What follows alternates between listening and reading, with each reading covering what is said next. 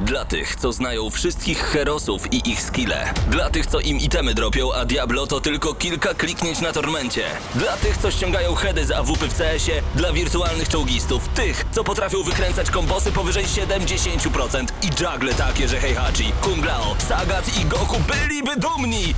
I dla tych, którzy nie mają pojęcia o czym mówię, ale lubią dobrą zabawę. Dla tych, co klikają i tych, co dzierżą pada, co na klawiaturach, joystickach i innych kontrolerach grają w gry wideo. Ta audycja jest dla Ciebie. Gramy na maksa w każdy wtorek o 21.00 tylko w Radiu Free.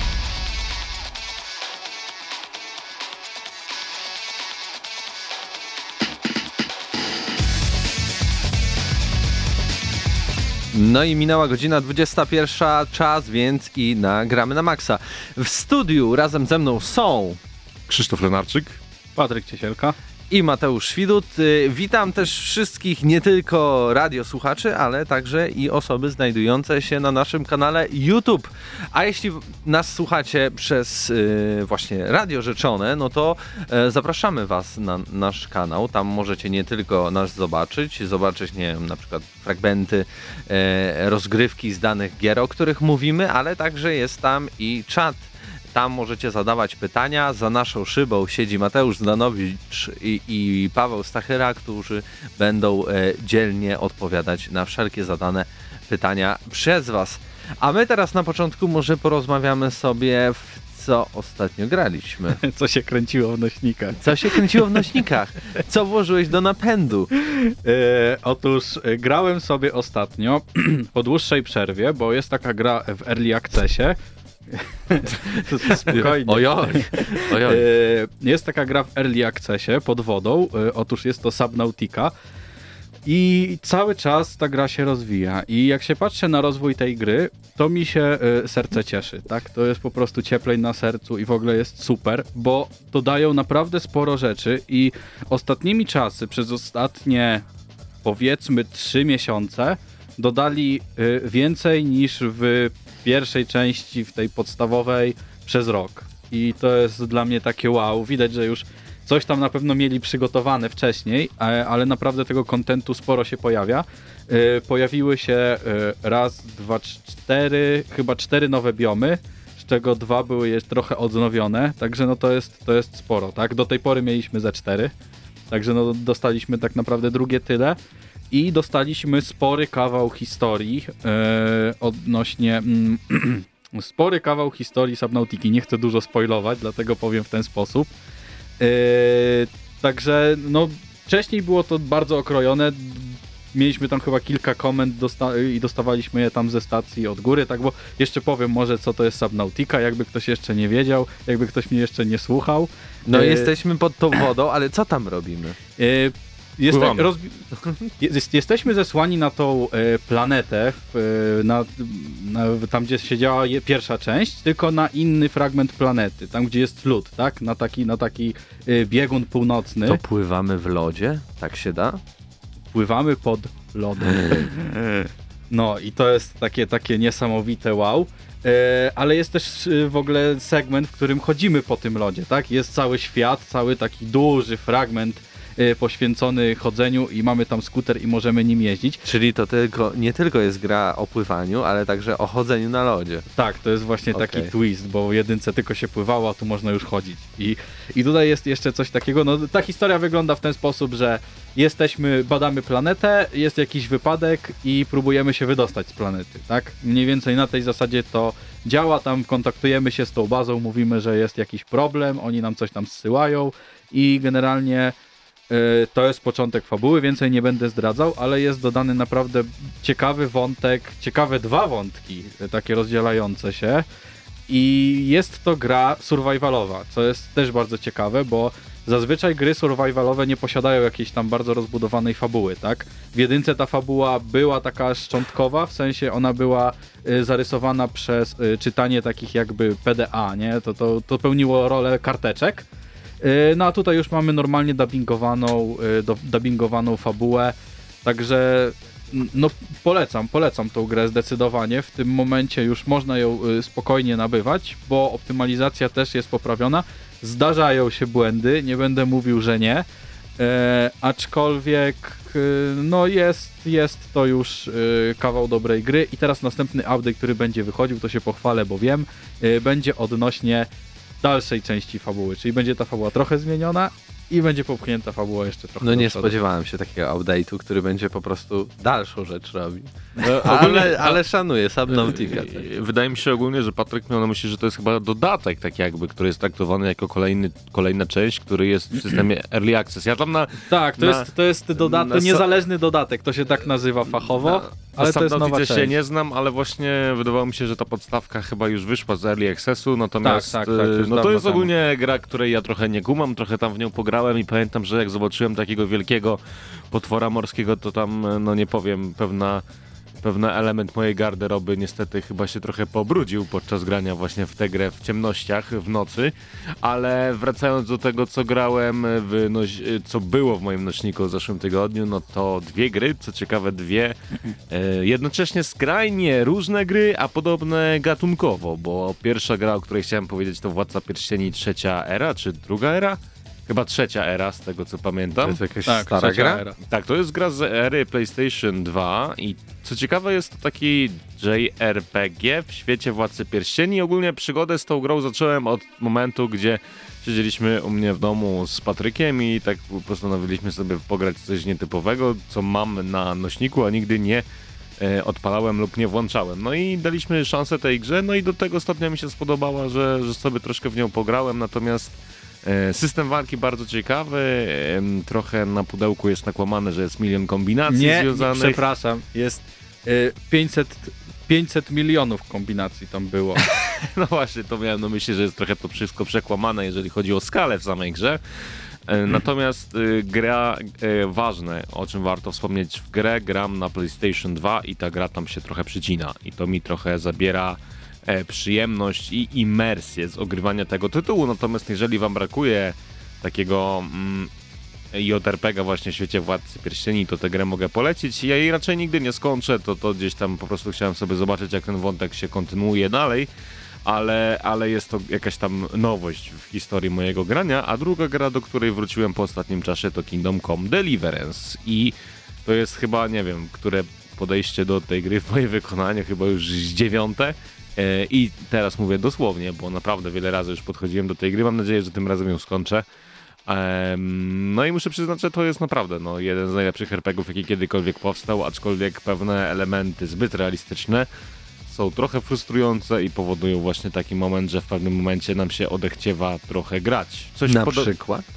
E, Na przykład no, mnie frustruje system walki, na który, w, z którym to na początku mamy ogromne problemy, jeżeli sobie z tym nie radzimy. Ja na przykład gram w tę grę na padzie, no to mamy podgórkę w każdym praktycznie e, zadaniu, w którym ta walka występuje, a niejednokrotnie na przykład jadąc po szlaku napada na nas e, banda bandytów, którzy m, no, mocno biją, że tak powiem i trzeba się naprawdę natrudzić w walce jeden kontra siedmiu przeciwników, żeby z nimi wygrać i to mnie trochę w tej grze denerwuje, ale bardzo, bardzo polecam, szczególnie właśnie, że była ostatnio za darmo na Epic Games Store. No, wszystkie inne e, jakieś takie smaczki zbyt realistyczne, typu, że wieśniacy chodzą spać i tak dalej, to naprawdę robi wrażenie nawet dzisiaj i wszystkie błędy, o których mówiliśmy w okolicach premiery, moim zdaniem zostały załatane, więc warto dać tej grze kolejną szansę. A, no i ostatnia rzecz, e, lepiej mi działa na PC niż kiedyś, ale i tak wolę wersję na PS4, nie wiem dlaczego. Po prostu... Ale na PS4 już działa chociaż w miarę? Tak, tak, tak. Nie- Znaczy są czasami spadki e, klatek, szczególnie w lokacjach miejskich, ale myślę, że nawet najsilniejszy obecnie PC na świecie miałby problemy z tymi lokacjami miejskimi. Po prostu no, tam jest e, tak e, przeładowane grafiką, jak i różnymi e, innymi elementami, że chyba nie da się uniknąć, żeby te klatki nie skakały. No ja pamiętam, mm, kiedy pierwszy raz podchodziłem do Kingdom Come Deliverance na PlayStation 4, to tam na premierę to tragedia była. Jak ktoś chciał grać, to miał naprawdę problem. No jedyny jakiś taki, nie wiem, wielka, wielka premedytacja mogłaby kogoś skusić do przejścia e, tej produkcji. Chciałbym powitać też naszych słuchaczy na YouTubie, jak wspominałem. Na, z nami na czacie jest Absyrtos Medea, Piotrek89, Faldi, Denil, y, a także i Doniu. Witamy Was wszystkich, siemanko, siemanko. A ja powiem, że grałem na... W Gotika, zakazane słowo dzisiaj. Nie, nie. Aj, szkoda. Nie wiem, czy, czy, czy dobrze to ujmę. Na PC grałem w WW3, czyli World War 3, grę, którą bardzo lubił, albo kiedyś lubił, nie wiem, czy nadal lubi Patryk. E, na- Zagrywał się, nagrywał i, i w ogóle różne rzeczy z nią robił, ale ja odpaliłem ją na GeForce Now. E, tak więc dlatego się zastanawiałem, czy można powiedzieć, że na PC, no bo w sumie na PC odpaliłem GeForce Now, który to GeForce Now to jest po prostu serwer PC-towy, który odpala nam grę i o tym będzie też w dzisiejszej audycji, czyli takie nasze technologiczne wrażenia z testowania e, nowej nowej technologii prosto od NVIDII. Wiem, że ty Krzyśku też próbowałeś, o czym wspominałeś tydzień temu. E, Mateusz Zdanowicz też próbował, tak więc sobie coś, coś tutaj o tym pogadamy, powiemy wam, czy warto, czy też nie. W sumie warto, już na samym początku możemy zaznaczyć, bo jest wersja zupełnie za darmo, więc e, warto dla samego sprawdzenia, nic nas to nie kosztuje. Logujemy się do Steama i, i odpalamy gry, to- które tam mamy. Przy tej okazji warto wspomnieć, że niektórym wydawcom gier nie do końca podoba się to, co Nvidia wprowadziła, bo swoje gry innymi z platformy usunął e, Activision Blizzard, co może niektórych boleć, w tym na przykład mnie, no bo jednak ciekawe dlaczego, skoro ci konkretni wydawcy akurat nad, nad technologią e, cloud gamingu nie pracują, a i tak, żeby zagrać w grę w usłudze GeForce Now, to musimy ją posiadać, czyli posiadać legalną kopię z jednego, na jednym z launcherów, więc nie jest tak, że możemy, nie wiem, za przeproszeniem mówiąc, spiracić daną grę i odpalić ją na GeForce Now, tylko i tak musimy ją kupić, żeby w nią zagrać, więc trochę, troszeczkę e, gdzieś mi umyka ten cel e, w przypadku O tych tym, wydawców gier. o tym więcej w dalszej części audycji Gramy na Maxa i zanim przejdziemy standardowo do News Shota,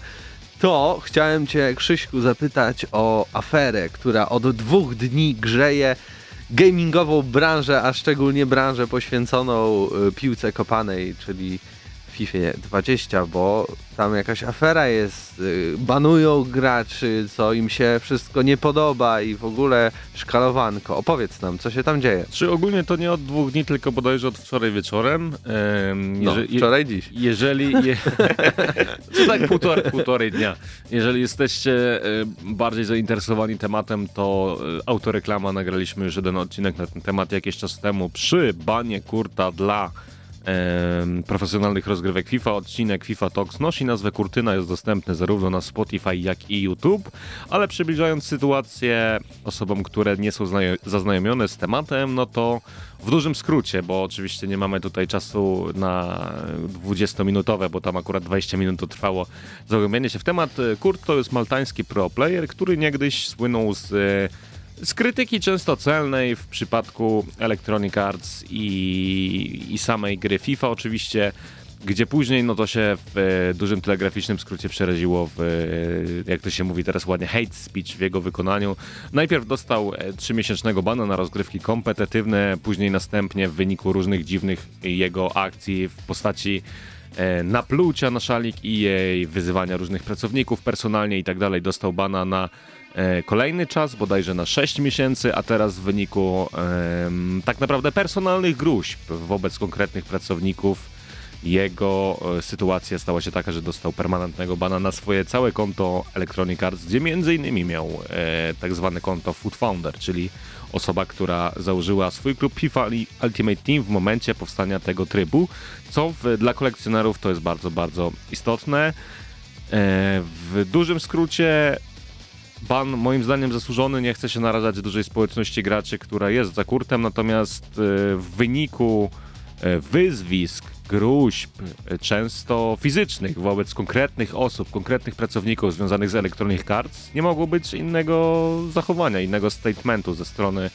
kanadyjskiej firmy, no bo to jakie to ma znaczenie, że czasami celnie trafiał w grę, jakie to ma znaczenie, że czasami celnie krytykował to, co się wokół niej dzieje, czy krytykował same różne mechanizmy, które w grze się dzieją, skoro pozwolił sobie po prostu na za dużo i wielokrotnie łamią e, zasady regulaminu właśnie związane z użytkowaniem oprogramowania zarówno samej FIFA, jak i konta Electronic Arts. No i mi się wydaje, że co mogę więcej powiedzieć? Ale to też jest tak, że on po prostu traci dostęp do obecnego konta, czy też to konto jest Tak. zbanowane, może sobie założyć kolejne konto. Mo- Oczywiście to nie jest zgodne Może. zapewne z regulaminem i tak dalej, żeby mieć wiele tych kont, ale póki na przykład nie będzie na nim streamował rozgrywki, Tak. Może mieć E, ja- drugie jasne. konto i sobie E, grać. Natomiast e, Electronic Arts ma pewne narzędzia, które może dojść na przykład po systemie, po adresie IP do użytkownika konta, bo każde logowanie jest e, na koncie Origin zapisywane, więc no, myślę, że jakoś to zostanie rozwiązane. Natomiast tak jak mówisz,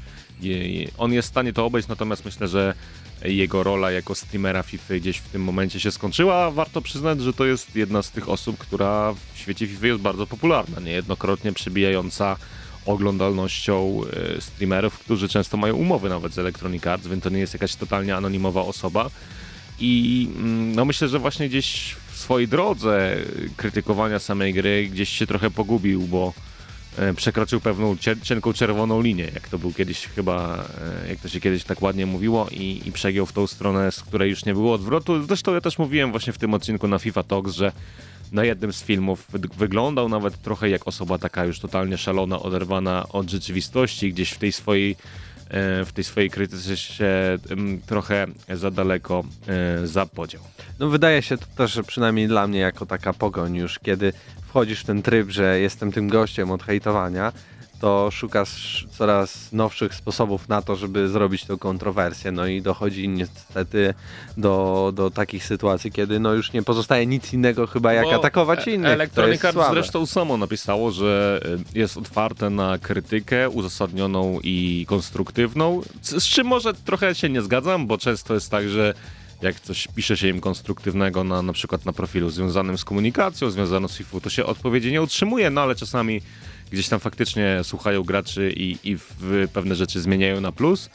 E, ale właśnie no, z, ze względu na te wyzwiska, o których wcześniej wspomniałem i groźby przede wszystkim, co jest chyba e, ten drugi segment jest o tyle istotniejszy, że wcześniej właśnie przy tym drugim banie e, hakerzy niezwiązani ponoć z Kurtem zhakowali wszystkie konta właśnie związane z, wówczas z Electronic Arts na Twitterze, zakowali konta e, community managerów i wyświetlali jakieś komunikaty właśnie wspierające Kurta, później wklejali wiadomości prywatne, korespondencję właśnie z tymi community ma- managerami na Twitterze. I to już jest sytuacja niebezpieczna, bo jeżeli e, publicznie pozwalamy, zezwalamy na takie zachowanie, no to jest to zresztą zachowanie niezgodne z prawem, przynajmniej tak mi się wydaje, to nie, nie, nie, możemy po prostu dopuszczać do takich sytuacji i tak jak mówię, e, może nie w 100% zgadzam się z tym, e, z tym, e, co Electronic Arts właśnie z Kurtem zrobiło, no ale e, w pełni ich rozumiem i no i raczej właśnie popieram takie zachowanie, no bo ta cienka czerwona linia, jak już wspomniałem, została właśnie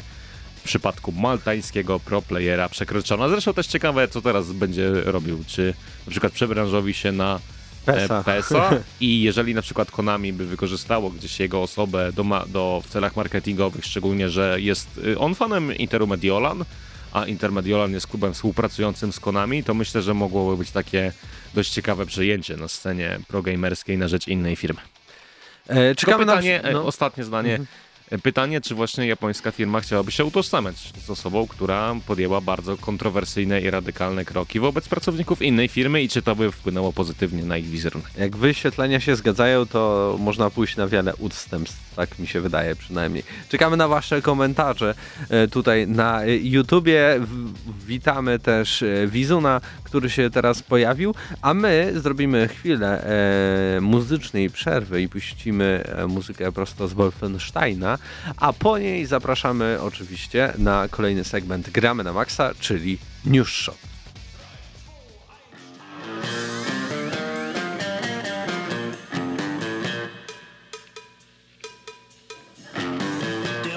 schaut uns an und wir wird uns gehören.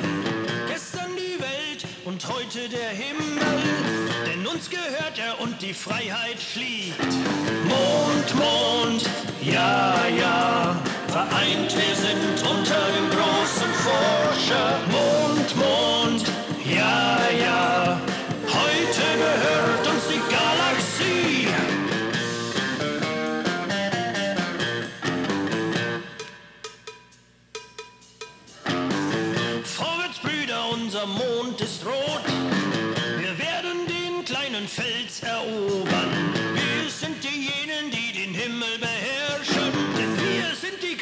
Im Universum.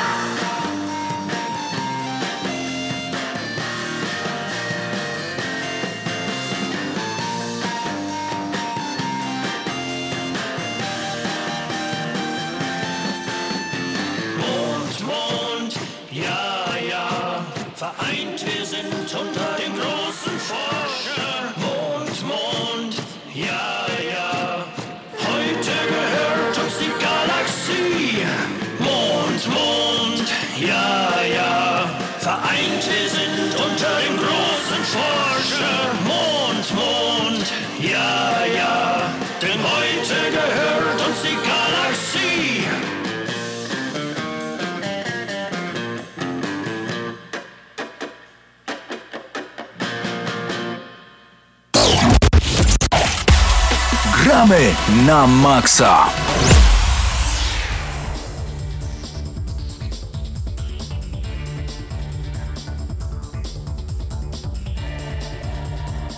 No i wracamy do gramy na maksa. Czas na news shot, który tym razem będzie nieco taki, nazwałbym to taki improwizowany, bo tych... Spontaniczny, to brzmi. O, spontaniczny news shot, bo za bardzo jakby ważnych informacji w ostatnim tygodniu ze świata gier nie pojawiło się wiele.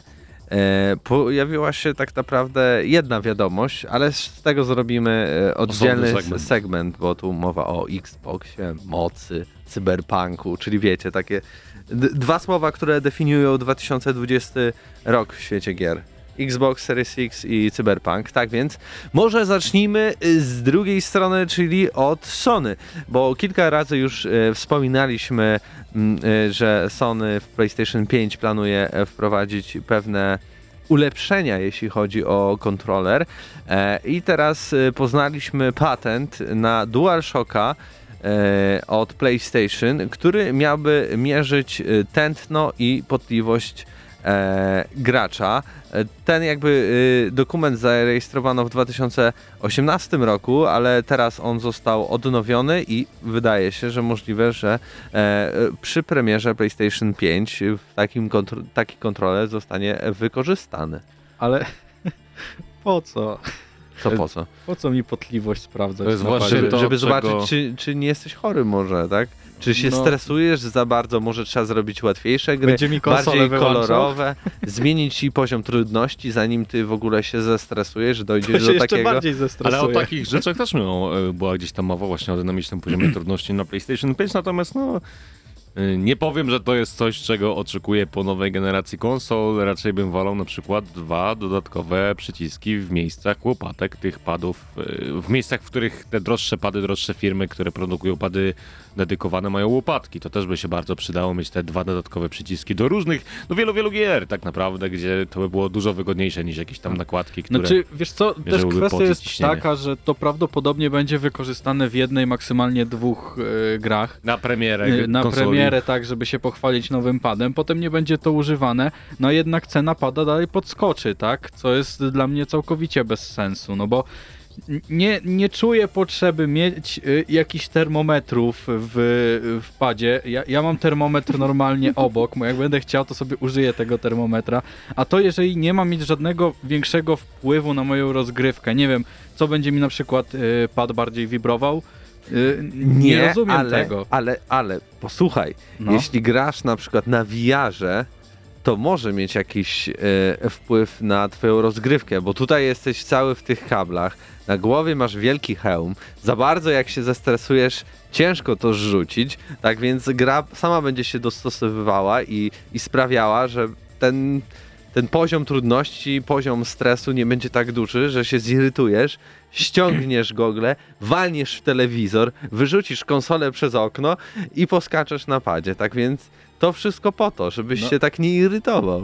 E, Dobrze, dobrze. Powiem teraz jeszcze raz, że ile takich gier będzie. Teraz y, druga sprawa. Y, nawet jeżeli to miałoby być y, do VR-a, tak? Mhm. No to już wolałbym, żeby taki gadżet był w jakichś nowych padach do VR-a, tak? W sensie tak jak masz mowy, teraz możesz używać tych Może te, te też tam i to wykorzystają te, tego, to nie wiemy. To co będzie trzeba kupić dwa pady, jeden na jedną rękę, drugi na drugą?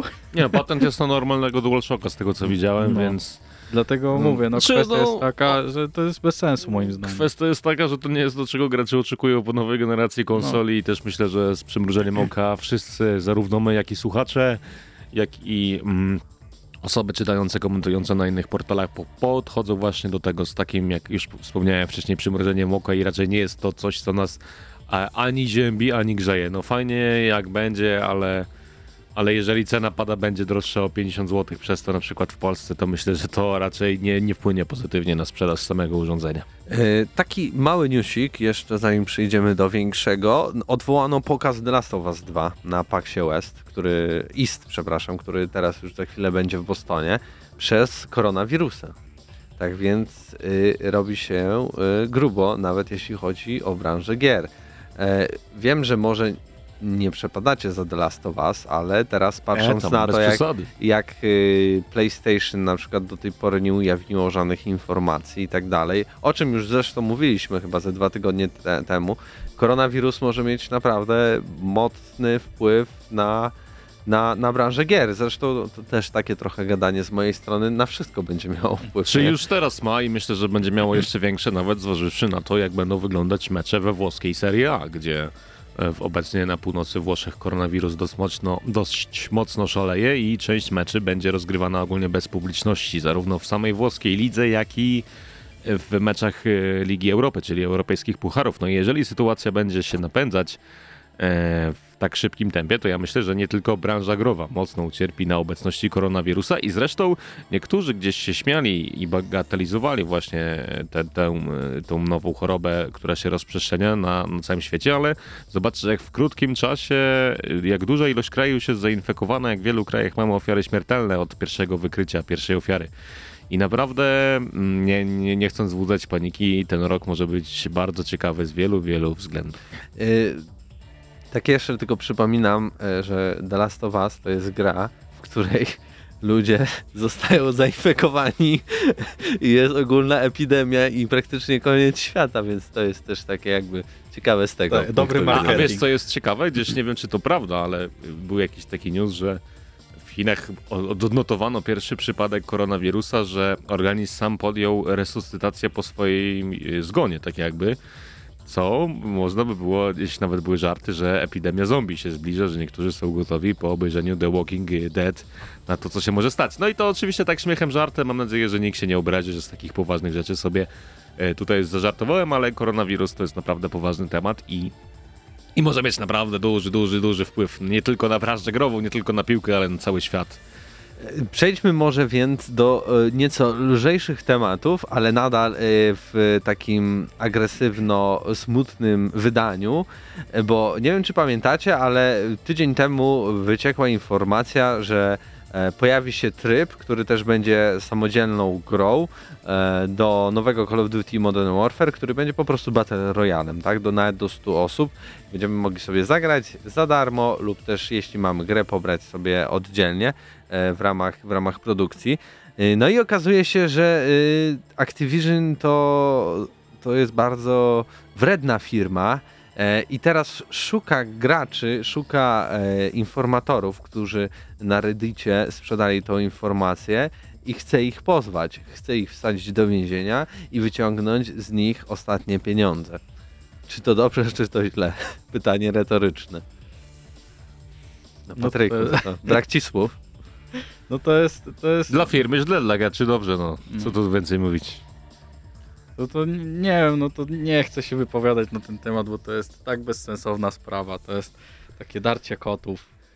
Po co to jest komu potrzebne tak naprawdę? Dobrze, zatem przechodząc do kolejnych troszeczkę miałkich newsów z ostatniego tygodnia. E, w ramach e, GNM Plus dzisiaj rozmawialiśmy o tym, że Electronic Arts skasowało kolejną grę z uniwersum Gwiezdnych Wojen. Bo nie wiem, czy pamiętacie, ale mm, jeszcze tam z rok, półtora temu e, Criterion pracował nad jedną grą taką singleplayerową, bo jej Vancouver, które na podstawie tej anulowanej gry Criterionu robiło grę z otwartym światem, będącą spin-offem Battlefronta. I teraz y, miała wyjść kolejna gra, która miała być miksem tych wszystkich gier e, i pojawić się pod koniec tego roku na konsolach nowej generacji, ale znowu została ona y, z, anulowana. No i wychodzi na to, że nie będziemy mieć nowej gry. Ze Star. Warsami, ze Star Warsami jest ten problem, że y, tych gier, które były anulowane jest całkiem sporo. Tak naprawdę już w, generalnie w całej historii. Chyba I więcej było projektów niż w ogóle tych gier wyszło. Tak. Mamy dwa Battlefronty i jeszcze- Jedi Fallen Order. I Było tyle. jeszcze to cie, ciekawy, ciekawy projekt, to był ten... 13, y, 13. E, tak jest, w którym gra już tak naprawdę była prawie skończona. Tam już e, wszystko było zrobione, wszystkie asety były gotowe, animacje były porobione, e, już były nawet jakieś dema grywalne e, na tym, e, na tych wszystkich targach i nagle powiedzieli, że nie ma. I, i No, usunęli. ja usunęli. nawet widziałem to Star Wars 1313 i ono wyglądało niesamowicie. Wręcz Znaczy, no tak, no w ogóle jak na koncept- tamten czas, bo ono wyglądało praktycznie identycznie jak Fallen Order, które, Mhm. które wyszło w 2019 roku, a to był chyba 2012, kiedy, kiedy ten projekt jeszcze, No tak. jeszcze żył i go pokazywali Samo na cieka targach. ciekawy, ciekawy motyw grania y, łowcą nagród, tak? Bo y, pamiętajmy, że tam mieliśmy się, mieliśmy być y, właśnie takim, takim oto y, łowcą nagród, takim coś typu Han Solo, prawda? I, I to mogło być naprawdę ciekawa, ciekawa fabuła, bo taka postać może nie być y, do końca dobra, tak? To nie może, to może być postać, która nie Może jest być y, dwuznaczna moralnie. Dokładnie tego mi brakowało. Yy, I zawsze na takich postaciach dość ciekawe fabuły można napisać. I może też gdzieś przyszło mi do głowy, że jest to związane z, z samą marką Star Wars, która trochę odcina się od sagi Skywalkerów. Dzisiaj czy wczoraj mieliśmy ogólnie informację o tym, że powstaje nowe uniwersum 200 lat przed tym, co znamy ze sagi Skywalkerów i trochę zostało nam przedstawione ramy tego świata. Prawdopodobnie na początku będą to jakieś tam filmy i książki, no ale myślę, że skoro to już tak zostało oficjalnie zapowiedziane, to gdzieś wokół tego świata, który został ogłoszony, następne filmy czy gry będą budowane. I może dlatego właśnie ta gra została skasowana, żeby gdzieś tą moc przerobową na te nowe uniwersum z, z wokół Star Wars zostały te mm, siły wewnętrzne każdej z firm, które produkują y, produkty z serii Sky, y, z serii Star Skywalker. Wars przekierowane.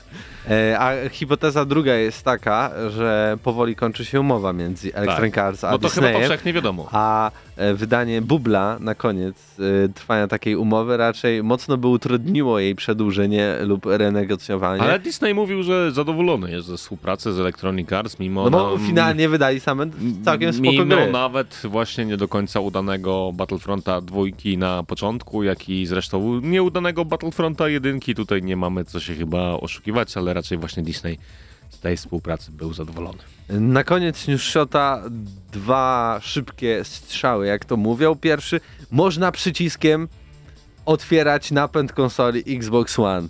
Czy właśnie na to czekaliśmy? Wow. 2020 rok. E, 7 lat po debiucie konsoli. W końcu możemy padem otworzyć ale tackę. ciekawe, czy jest to związane z tym, że najnowsza wersja Xboxa One już nie ma napędu na napęd optyczny. Znaczy nie ma napędu na płytę, to chciałem powiedzieć, ale Ciekawe, czy wtedy, wtedy wybucha taka konsola, bo nie wie, co, nie wie co zrobić. żeby wysunąć płytę, A, a nie a ma następuje autodestrukcja. autodestrukcja. Mi się tak. wydaje, że kolejnym krokiem to będzie zamiana y, przycisków na padzie na dotykowe, a potem zmiana na zwykłe przyciski w kolej- kolejnej generacji. I to byłoby najlepsze marketingowe posunięcie. Wszyscy by narzekali na przyciski dotykowe na padzie, a potem by y, Xbox był taki dobry i by posłuchał, że gracze się skarżą i oni zrobili dobrze. To Ty- samo co wcześniej. typowa strategia marketingowa Microsoftu, faktycznie. No i ostatnia informacja, która też była poruszona na GM+, to to, że Bannerlord już ma datę premiery niby oficjalną. Ja mówię niby, bo nigdy nie wierzę w to, ale już całkiem niedługo, za miesiąc 31 marca gra pojawi się na Steamie jako Early Access do kupienia za całkiem... No, to tak powiedziałbym taka data premiery, jak nie data premiery. Na E, Early Przy newsie związanych z Bannerlordem oznaczałem właśnie Pawła Stachyrę i napisałem mu, że chyba nadchodzi Ragnarok, skoro ta gra e, ma w końcu jakąkolwiek datę premiery, ale to dobrze, bo to będzie dobra gra i myślę, że przez lata, nawet 10, 10 lat około, będzie sobie żyć w świecie fanów Mountain Blade'a, którzy słyną przede wszystkim z doskonałych modyfikacji, właściwie stworzenia doskonałych modyfikacji do tej gry i myślę, że z Bannerlordem będzie tak samo, że bardzo szybko ujrzymy coś w świecie Star Wars, w świecie Gwiezdnych, w świecie Star Wars, w świecie Władcy Pierścieni, w świecie Gry o Tron, może nawet w świecie Harry'ego Pottera, to w ogóle gdzieś tam To, się to marzy. twoje marzenie, tak. No dobrze, to już koniec y, improwizowanego, spontanicznego news shota. E, zachęcamy do dyskusji u nas e, na czacie. E, przed nami wrażenia z Hell Let Loose. Podejrzewam, że to chyba Mateusz Zdanowicz będzie robił te wrażenia. A przed nami, jako że był temat o The Last of Us, to posłuchajmy trochę muzyki z The Last of Us. A co?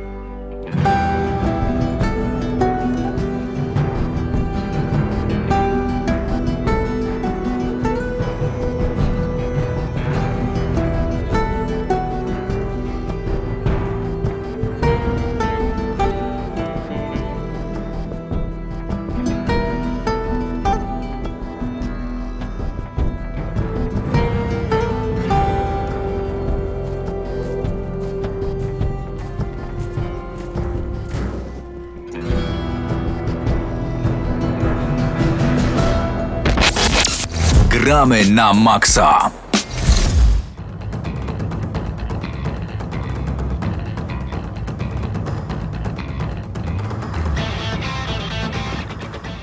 Nowy podkład y, w Gram na Maxa.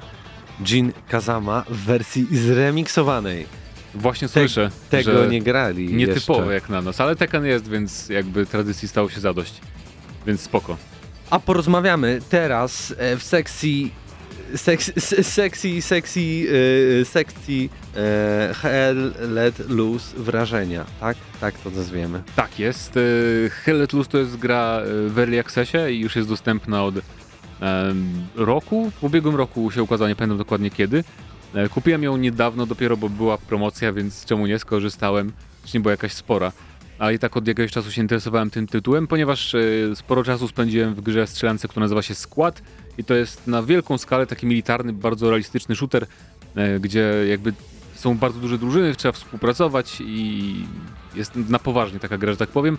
I Hell Let Loose to jest właśnie to samo pod względem założeń, e, tylko że wygląda ładniej, po pierwsze, a po drugie e, są realia II wojny światowej, więc to też mi bardziej odpowiada, bo nie mamy tutaj takich zaawansowanych broni aż takiego zaawansowane, zaawansowanego ekwipunku. To znaczy wiem, że na przykład, że jak jest ciemno, to wrogowie na pewno mają problem z dostrzeżeniem mnie, a nie akurat ktoś sobie wyekwipował celownik z noktowizorem, coś takiego, więc jest trochę tak bardziej, e, nie wiem jak to nazwać, no, przejrzyście i tak bardziej, powiedzmy, no, powrót do korzeni w pewnym sensie. Em, ale wrażenia z, roz, z rozgrywki są bardzo podobne, bo tu też jakby jest wymag- wymagana właśnie kooperacja i nawet jeżeli gramy ze znajomymi, y, znaczy inaczej, jak gramy z nieznajomymi, to i tak używanie czatu jest, voice chatu, czatu głosowego jest em, często niezbędne tak naprawdę, bo bywa tak, nie zawsze, to akurat rzadziej niż w składzie się zdarza, ale e, że po prostu cię wyrzucają z serwera, jak nie korzystasz e, z czatu głosowego aktywnie. E, Nie chodzi o to, żeby cały czas rozmawiać z ludźmi, tam nawiązywać znajomości oczywiście, ale bardziej po prostu, żeby na przykład powiedzieć, gdzie widzisz przeciwników, bo to naprawdę bywa kluczowe, tak? Jeżeli bronicie sobie jakiejś pozycji i wszyscy są odwróceni w jedną stronę, bo akurat tam są przeciwnicy, ale ty zauważysz kogoś z drugiej strony, no to jeżeli o tym nie poinformujesz zespołu, to po prostu może by oznaczać e, porażkę absolutną, bo akurat zdąży sobie przeciwnik zamontować karabin na przykład ciężki maszynowy i już po was wtedy. E, I tu jest taki bardzo duży realizm też uzbrojenia, to znaczy, że tak jak wspomniałem o tym CKM-ie, to jeżeli em, no, praktycznie nie, ma, nie, nie da się przejść przez pole, które jest obstawione jednym karabinem maszynowym. Potrafi i taki dobrze ustawiony, jeżeli jest wróg nieuważny, to potrafi wyciąć spokojnie kilkanaście, kilkadziesiąt osób i powstrzymywać ich przez pół meczu, przed przechodzeniem tamtędy, ale mapy są bardzo duże, więc to jest też jakby to bardzo wpływa na gameplay, bo wydaje mi się, że taka jedna mapa jest wielkości, jest chyba większa nawet niż mapy w Battle Royale y, trybach, bo tu mamy 100 osób ogólnie, jest po 50 na drużynę i każdy, nie ma, nie ma jakby różnych trybów rozgrywki, tylko zawsze chodzi o to, żeby przejmować konkretne punkty, E, tylko to jest trochę bardziej zaawansowane niż taka dominacja w Battlefieldach, bo na przykład przejmowanie punktów wiąże się ze zdobywaniem zasobów, które potem oficerowie wykorzystują do e, stawiania na przykład punktów zaopatrzenia, punktów odrodzeń, więc to wszystko jest związane z taką główną strategią, nad którą czuwa taki jeden gracz główny, że tak powiem, na całą drużynę, a poza tym każda z tych e, pięciu, czy nawet nie, dziesięciu drużyn e, pięcioosobowych ma jeszcze oficera, który właśnie wydaje rozkazy dla, dla konkretnego tego małego oddziału, co mamy robić. I właśnie będąc częścią takiego oddziału, bywa, że na przykład przez praktycznie cały mecz bronimy jednej pozycji, bo tak wypada akurat, bo tak trzeba, e, jakby drużyna tego potrzebuje. Więc to nie jest taka strzelanka dla fanów dynamicznego może strzelania i nieustannej akcji, bo bywa tak, że no ktoś musi odwalić robotę jakąś niezbyt emocjonującą, tylko nie wiem, pilnować tyłów na przykład, podczas gdy inni szturmują, więc... E, ale mi się to bardzo podoba, bo to właśnie jest inne niż w takich jakby po- popularnych shooterach, w które też bardzo lubię grać, notabene, ale mm, to jest inne właśnie doświadczenie. I też no można, można trochę, nie wiem, poćwiczyć angielski w moim przypadku, bo ja rzadko mam okazję, więc to jest też dobre akurat. Ale mamy też pojazdy, co jest ważne. Nie latamy w samolotach, samoloty są tylko przyzywane jakby jako takie, nie wiem jak to nazwać, no po prostu oficer może przyzwać nalot na przykład na dane, dane miejsce, ale są też czołgi, które są po prostu śmiertelnym zagrożeniem, dlatego trzeba zawsze mieć inżyniera w zespole, który To jest będzie... tak, że zawsze na, nie wiem, na całą drużynę przypada jeden czołg, czy, czy jak to jest dzielone? Zależy od mapy, bo są mapy bardziej dostosowane do, do pojazdów, inne mniej i to wygląda tak, że zawsze jest tych czołgów po 2-3 zależy też od sytuacji, bo jak przejmiesz na przykład jeden punkt, to masz szansę, że masz też zasoby, żeby właśnie wy- wyspawnować ten dodatkowy czołg, więc to trochę różnie bywa, ale nigdy te czołgi nie przeważają. E, tylko naprawdę jak już są, no to y, no to nie możesz się pokazać nawet takiemu czołgowi, bo to jest też, one są wiele bardziej śmiercionośne niż w takich arcade'owych bardziej grach. Mi na pierwszy tak rzut oka bardzo ten tytuł przypomina Batalion 44, chociaż wiem, że tam bardziej rozgrywka jest nastawiona na, na taki e, multiplayer w stylu bardziej Call of Duty, czyli bieganie, No tak, strzelanie Batalion na, to jest na, taki- na skille jakby gracza niż na Tak, e, jakby taką drużynową e, rozgrywkę która polega głównie na, na współpracy, bo tu faktycznie, kiedy e, nasz zespół ma bronić jednego miejsca przez cały, e, cały mecz, to może być ciężko, no ale jakby tutaj próbujemy wcielić się w jakby w żołnierzy takich prawdziwych, którzy No tak, tu naprawdę czujemy, że jesteśmy taką pra, pra, prawdziwą wojnę. Tak, czujemy, że jesteśmy częścią takiej naprawdę tej większej machiny wojennej, bo e, jakby robimy swoje po prostu i nie, nie zgrywamy bohatera często, nie, bo nie możemy nawet. I też sprzyja temu ten fakt, że tu nie można grać za bardzo na fragi, tak jak w innych grach sieciowych, że o, jak najwięcej zabije wrogów. Bo tak naprawdę nie widzimy, ile zabiliśmy. Musimy tam wejść w jedno menu, potem w drugie i w trzecie, żeby zobaczyć, ile mamy tak naprawdę zabitych. E, ale podczas gry, jak kogoś postrzelimy i ktoś upada, to my nie jesteśmy pewni, czy on na pewno y, został trafiony i po prostu umarł, czy może po prostu rzucił się na ziemię szybko, żeby uniknąć strzałów, nie? Bo nie ma nawet oznaczeń, jak te, nie ma oznaczeń obrażeń, tak? Jak trafimy kogoś, to nie pojawia się taki biały krzyżyk na ekranie, że o, zadałeś obrażenia, więc też jest takie przyjemne, bo jakby jest takie ciągłe napięcie e, i ogólnie no, fanom takich sieciowych zmagań bardziej realistycznych na większą skalę, szczególnie jeżeli drugą klimaty II wojny wam odpowiadają, to bardzo Hell Let Loose polecam. Jest tylko na PC obecnie chyba do końca tak pozostanie, bo tam jest też strasznie klawiszologia rozbudowana. Mm, Jak na razie nie widzę, żeby były plany na konsolę. E, W tym roku ma być też jakby finalna wers- wersja tej gry, bo, Podobno tak. bo, bo Mhm. póki co to rozmawiamy oczywiście o wrażeniach e, z Early Accessa. E, Tak więc, no, jeśli szukacie gry wieloosobowej, w której moglibyście się realistycznie w miarę jak na gry wideo oczywiście, e, wcielić żołnierza podczas II wojny światowej, e, to e, serdecznie polecamy Hell Let Loose. A my teraz może już tak bez przerwy jakby muzycznej, ale pozostając w tym samym gronie porozmawiamy o GeForce Now, bo e, razem we trójkę mieliśmy okazję sprawdzić tej technologii. Ja nawet dzisiaj sobie pobrałem e, tym razem, nie wiem, bo ty Krzyśku, o Krzysiek z nami jest, dołączył właśnie, e, na czym próbowałeś GeForce Now? Już laptopie, jesteś. który miał wgranego Androida. Okej. Wow. Jakieś skomplikowane strasznie. A ty? Laptop z Android. Ja gram na zwykłym PC, bo po prostu chciałem przeczytać- Klasycznie Windows. Tak, na, na, na moim gamingowym komputerze, na którym mogę sobie odpalić tą grę, ale nie chciał mi się instalować, więc zobaczyłem, a sprawdzę, czy działa ten G GeForce Now i Ja, ja też na Ale dziwny- na, y, zwrócę Okej. też uwagę, że również grałem na klasycznym PC, żeby nie było, że, Okej. że, że Nie, nie, nie, tylko jakieś ale dziwne to- rozwiązania. Właśnie mi chodziło o to, żeby właśnie pokazać, że każdy z nas jakby miał trochę inne doświadczenia, bo ty grałeś, nazwij, b- bę- bądź takim przedstawicielem notebookowej familii na Androidzie. Tutaj mamy klasycznego Windowsowca, a ja grałem na Macu, tak? Więc każdy z nas na jakby trochę innym urządzeniu, innym oprogramowaniu mógł wytestować GeForce Now i razem chyba możemy się zgodzić, że ta technologia zadziałała u nas. Nie mieliśmy żadnych problemów z tym, żeby to odpalić. E, We trójkę też próbowaliśmy tej wersji darmowej, która pozwala na godzinę e, jakby bezstresowej gry. Później musimy włączyć i wyłączyć jeszcze raz GeForce Now, ale to nic nie kosztuje. E, tak, zgadzacie się. Tak jest. Bo, bo wiecie, że jak w radiu kiwamy głową, tak to- z przyzwyczajenia już. to Ale tylko tak, ja o tym się. wiem, że się zgadzacie, a nasi słuchacze nie bardzo. No może na YouTubie oczywiście. E, Czy niektórzy- też niektórzy testowaliśmy zobaczą. wersję darmową, dlatego że ona w żaden sposób nas nie, powiedzmy, nie ogranicza, nie sprawia, że nie wiem, pewną część funkcjonalności mamy zebraną, czy coś takiego, no po prostu po godzinie grania yy, musimy zrobić sobie krótką przerwę, ale po chwili Mhm. możemy do tej gry wrócić.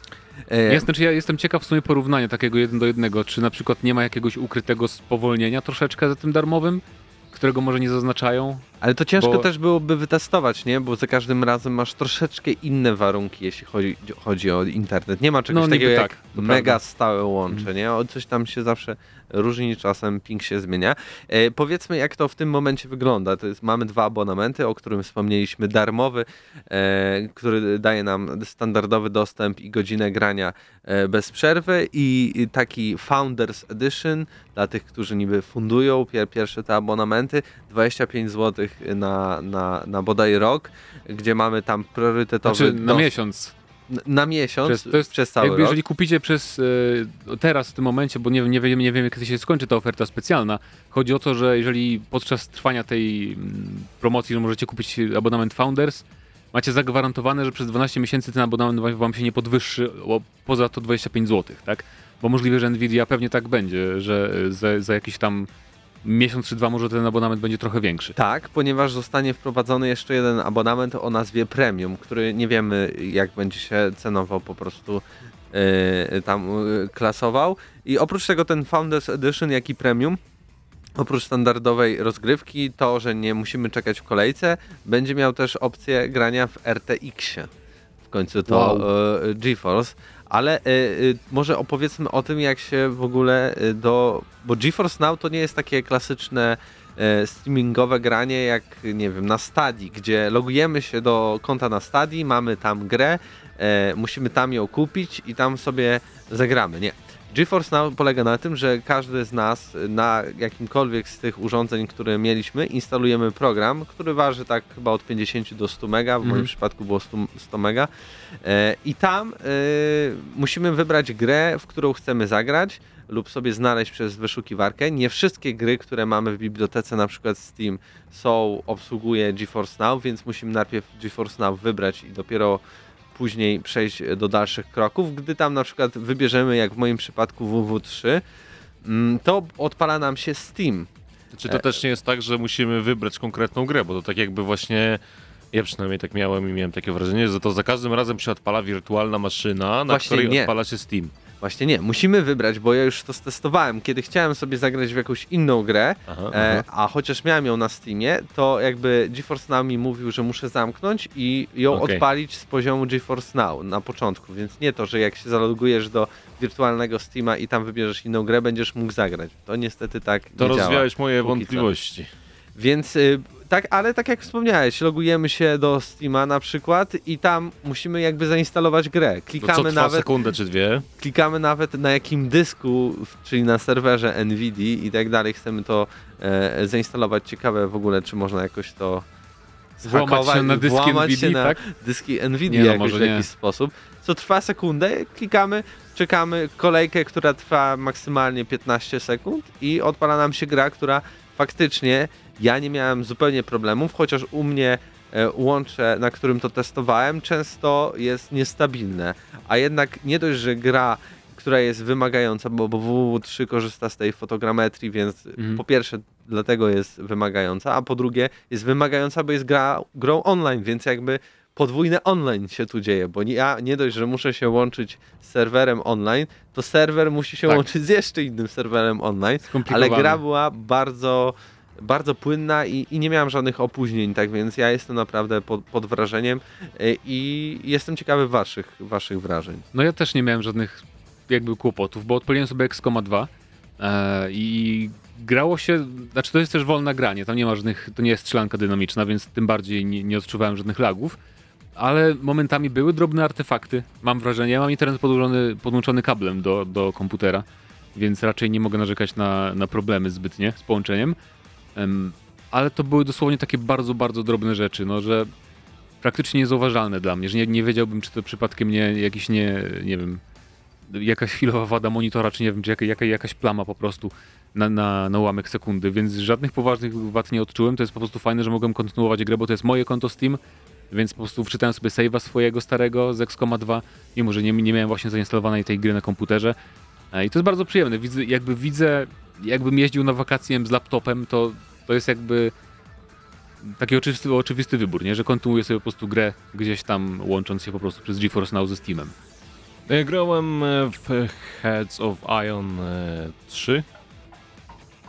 O, przepraszam, nie wiem dlaczego, e, mimo, mimo, wyciszenia, mimo wyciszenia telefonu dalej on mi dzwoni, natomiast wracając, grałem w Heads of Iron 3 i mm, ta gra, mimo tego, że grałem na serwerach NVIDIA na potężnym komputerze, dalej mi się tam zacinała, więc nic się nie zmieniło w stosunku do mojego domowego komputera. Wszystko było tak samo w pozytywnym i negatywnym sensie, jeżeli chodzi o wady obrazu, wady kompresji to tak jak Mateusz Stanowicz tutaj powiedział, czasami e, było coś zauważalne, ale nie na tyle, żeby jakkolwiek mi to przeszkadzało. I na przykład, jeżeli gramy na mniejszym ekranie, tak jak ja na przykład grałem na e, dość, dość małym ekranie, tam 12 czy 11 calowym, jakoś tak, no to szczerze byłem pod wrażeniem, jak to wygląda i nic, jeżeli chodzi o wizualia, mi nie przeszkadzało. Natomiast y, zaciekawiłeś mnie samym tym RTX-em, czy jeżeli, y, jeżeli właśnie wykupimy ten abonament Founders, to czy faktycznie będzie to widać?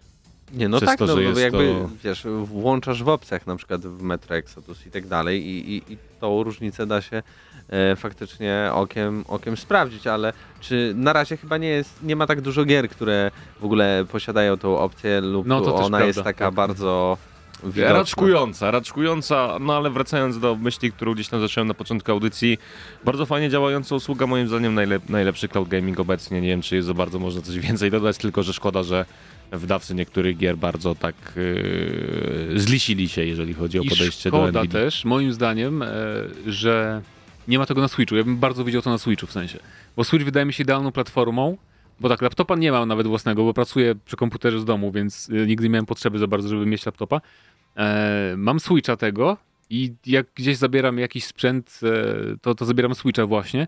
I wydaje mi się, że to było idealne po prostu, że mam sobie aplikację GeForce Now na Switchu i gram sobie w swoje gry na Steama. To było takie bardzo fajne połączenie dwóch światów.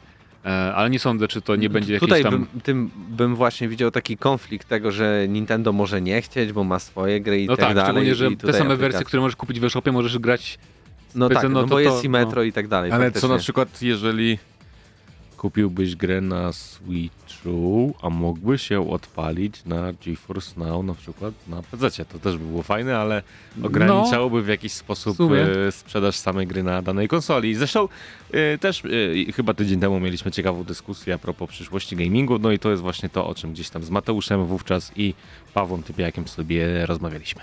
Ja nawet miałem taki niecny plan, żeby może jak wyjdzie Red Dead Redemption 2, a w sumie już wyszedł na, na Steama, prawda, e, to może zagram sobie przez GeForce Now, ale okazuje się jednak, że Rockstar nie, nie wspiera GeForce Now, e, Activision nie wspiera GeForce Now i Bethesda. i Bethesda też nie wspiera GeForce Now, co jest bardzo jakby dziwnym krokiem dla mnie, ponieważ Żadna z tych firm nie ma cloud gamingu. Czyli ja zagrałem XCOMa 2, bo to przecież też jest Take, take Two, więc ja ale to oni zanim, chyba jeszcze, ściągnęli, no. zanim jeszcze usunęli, okej, to zdążyłem, fajnie. Tak samo kolega mój przychodził y, któreś y, Call of Duty, bodajże World War II przed usunięciem GeForce No Now i proszę. też mówił, że bez problemu udało mu się ukończyć ten tytuł na tej platformie, a dzisiaj już tej gry niestety nie można tam zagrać. No i, i pytanie właśnie w związku z tym jest takie, czy my tutaj się ekscytujemy, jak fajna jest to technologia, jak ona dobrze działa, czy gdzieś w przyszłości wszyscy wydawcy się przypadkiem nie zliszą i nie postanowią usunąć właśnie swoich gier z tejże platformy i to by było trochę szokujące i zastanawiające jednocześnie i ogólnie stawiające cały cloud gaming pod dużym, dużym znakiem zapytania. Bo na GNM bo to był jeden z naszych tematów, tak się zastanawiałem, że może tutaj yy, nie wiadomo o co chodzi, bo oni to zabrali, a i tak przecież zapłaciliśmy za tą grę, więc oni jakby wydawcy sami w sobie tutaj nic yy, nie tracą, wręcz tylko zyskują, że więcej czasu spędzamy w ich grach, a jeśli gra jest online, to oczywiście yy, no, im więcej tak. czasu, to możemy na przykład wydać dodatkowe pieniądze na jakieś rzeczy, e, mikrotransakcje, ale z drugiej strony sobie pomyślałem, czy przypadkiem na Stadii nie ma tytułów Rockstara i nie ma tytułów tych wszystkich wydawców, Są, znaczy nie wiem czy wszystkie, ale wydaje mi się, że parę jest, ale tam płacisz za gry. Kupujesz te Tak. gry, nie? ale może e, Google jako to wielka, ogromna korporacja postanowiło zapłacić tym wydawcom, żeby zdjęli to z GeForce Now, żeby nie pozwolili na to, żeby Bardziej- to były jakby tytuły w- jakby ekskluzywne streamingowo, tak? Bardziej Że- mi się wydaje, że to po prostu ci wydawcy mogą oczekiwać jakiegoś procentu od Nvidia, a że Nvidia może nie zaproponowała czy coś, e, to po prostu... Ja, my, ja myślę, że to tak Czekają nie, teraz nie aż- działa, chociaż Nie wiem, no. może z drugiej strony będziemy chyba pomału kończyć, e, kończyć tę dyskusję, tylko chciałem zadać pytanie, czy grając w grę online, która nastawiona jest na rywalizację, na strzelanie się z innymi użytkownikami, tak e, w cudzysłowie mówiąc, czy nie odczuwałeś właśnie dużego dyskomfortu związanego z tym podwójnym online-online, jak to określiłeś? Bo mi się wydaje właśnie, że to,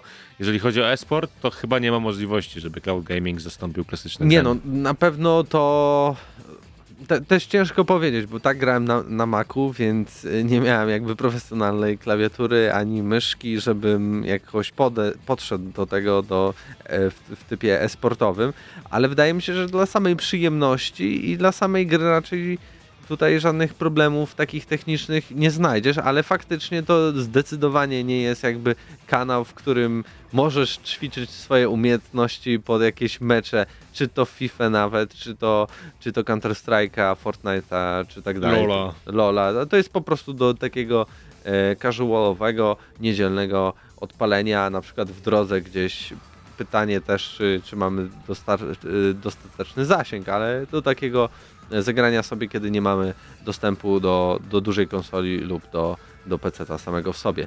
Ale polecamy, sprawdźcie, bo jest za darmo, no. Więc Tak. Nic Czemu was nie? to nie kosztuje, wystarczy się zalogować do gier, które macie na swoim Steamie, a minęła już Ale godzina. jeszcze, jeszcze Wizun tylko pyta, Tak. co jak mamy jakąś grę w abonamencie jakimś, a nie na koncie.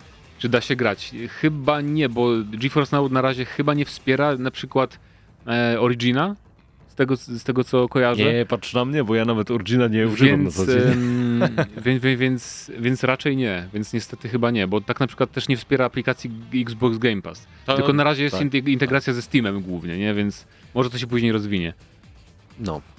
Tak więc odpowiedzieliśmy na pytanie i czekamy na więcej pytań, e, również na naszej stronie gramy na maxa.pl. Tam, Kliknę gdzie, nam łapkę w górę, bo nie tam mamy. gdzie też y, znajdziecie ten odcinek audycji. Gramy na maxa, minęła nam godzina, mieliśmy rozmawiać jeszcze o specyfikacji Xboxa Series X, ale Czy tak możemy sobie... przedłużyć o 5 minut? Bo to jest istotne. Ja wiem, Ogólnie a- największy news, jeżeli chodzi o Ja zeszły wiem, tydzień. ale też nie ma człowieka, który mógłby w odpowiedni sposób przedstawić ten news, czyli Paweł Typiak. Dobrze, będzie tak, obiektywnie. więc, więc tak trudno. No ale no, Series X po, potwierdziło się to, co miało się potwierdzić. 12 teraflopów, bardzo mocna konsola. Wszystko, co było w plotkach e, jest ok.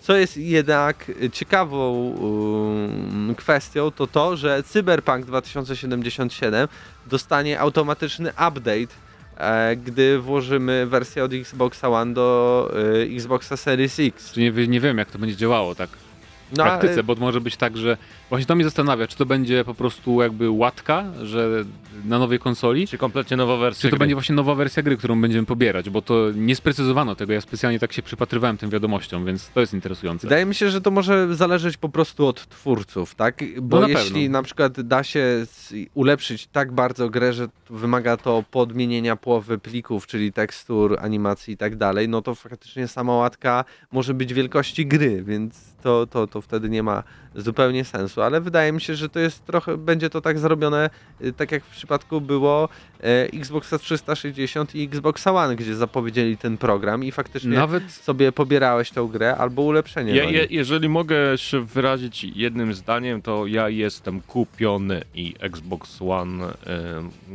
przepraszam, Xbox Series X to chyba będzie moja główna platforma, jeżeli chodzi o nadchodzącą generację konsol, chociaż nie mówię jeszcze hop, póki nie przeskoczę, Ale co oni na... takiego powiedzieli, Znaczy- że cię to przekonało? No bo potwierdziły się wszystkie plotki, o których Wszystko- rozmawialiśmy od roku. Wszystko to, co oczekuję od konsoli nowej generacji, tak naprawdę. Ja nie oczekuję... 12 teraflopów, czy, czy, czy o co chodzi? Yy, Znaczy przede wszystkim integracja z...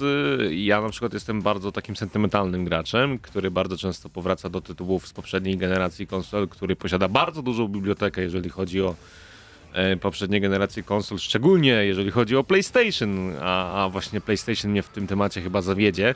I ogólnie moc, y, integracja, usługi, Game Pass, zos- zostało to oficjalnie powiedziane, że ta usługa będzie wspierana na Xbox Series X i myślę, że to jest ten czynnik taki dominujący dla No mnie, spróbowaliby nie w nie no. będę musiał, nie będę musiał w jakiś sposób dopłacać do gier, które by mnie interesowały, jeżeli po prostu sobie wykupię jakiś tam abonament w cenie Netflixa i będę mógł sobie dowolnie korzystać często z premierowych gier, a szczególnie jeżeli chodzi o ekskluzywitę od Microsoftu, co jest myślę bardzo, bardzo ważne i to jest coś, co, co mnie do zielonych na ten moment y, przekonuje. no. Ja, No. ja za bardzo nie mam zdania, Ale bo co, ja, jesteś kupiony bo ja, też? ja będę grać w te gry na PC, prawda? Więc Okej. na razie mnie to nie obchodzi, ale bardzo szanuję takie podejście na pewno Microsoftu, bo podoba mi się właśnie to, że mm, kupujemy grę na Xbox One, czy tam One X i tylko pyk, potem możemy w, nią, w niej grać jakby... To jest jak PC, nie? Kupuję tak. grę na słabego PC-ta, potem mogę kupuję nowego na PC-ta i mam tą samą grę i gram w nią na nowym PC-cie. Nie, nie ma dwóch wersji na różne konfiguracje PC-ów, więc to, mi- to mi się też się wydaje, że to może świadczyć o tym, że nie będzie jakby nowych wersji gier do pobierania, tylko po prostu będzie jedna jest... wersja gry na Mhm. całe środowisko Windows, na Xbox Store na PC, na Xbox One i na Series X. Ciekawe, jak e, inni wydawcy po prostu e, się do tego zapatrują, bo teraz, oni wybrali... teraz jak ktoś powie, że nie, nie damy wam za No. darmo wersji na Xbox Series X, to będzie strzał stopę totalny, no. No wiem, bo ale... już, bo już gracze wiedzą, że można. Ale oni specjalnie wzięli do tego CD Projekt Red, który ma Znaczy, opinię taką, że... Raz, że tak, a wiesz. dwa, że CDP przecież mają z nimi no, marketingowe umowy często, nie? I są prezentowani na konferencjach Microsoftu na 3. Mogę się też odnieść jeszcze, jeżeli mamy chwilę czasu, skoro i tak Proszę, już przedłużyliśmy. przedłużyliśmy. E, warto tutaj przypomnieć kazus Red Dead Redemption pierwszego, które otrzymało, zresztą jak wiele innych gier z Xboxa 360, bardzo dużą łatkę na Xbox One X w, w dziale wstecznej kompatybilności. I to nie jest o tyle łatka, że to jest jakieś tam podbicie rozdzielczości i tyle. Ta gra realnie lepiej wyglądała, lepiej działała, bodajże nawet otrzymała jakieś pewne lepsze tekstury do samej gry i, i ja muszę przyznać, że mm, jakby, jakby ten w cudzysłowie remaster, remake, nawet nie wiem jak to nazwać, ta łatka wyszła w postaci osobnego tytułu, to ja bym się nie zdziwił, bo ta gra naprawdę wyglądała fenomenalnie e, po, po tej odpowiedniej łatce. A to Jeżeli- jest właśnie magia rozdzielczości, bo z tego co czytałem analizę Digital Foundry, oni też się zastanawiali, co tam dodano, a się okazało, że, Że to tylko rozdzielczość. To tylko rozdzielczość 4K była, po prostu zeskalowana w dół, więc to wszystko jeszcze lepiej wyglądało.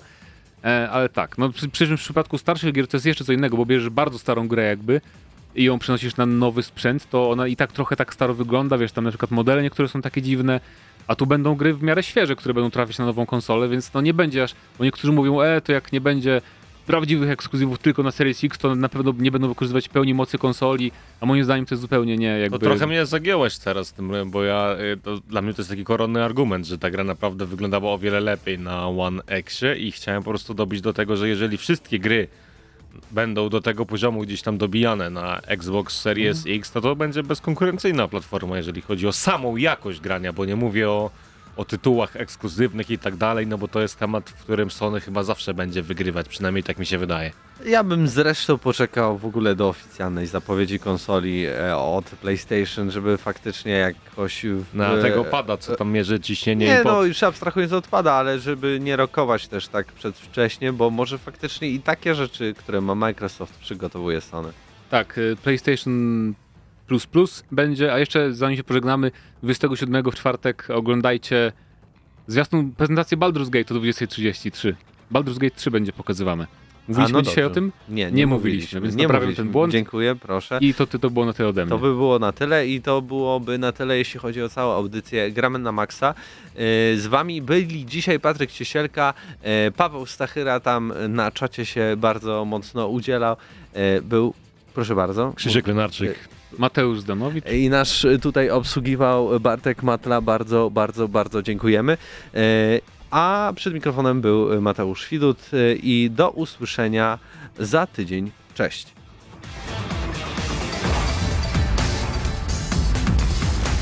Dla tych, co znają wszystkich herosów i ich skille. Dla tych, co im itemy dropią, a Diablo to tylko kilka kliknięć na tormencie.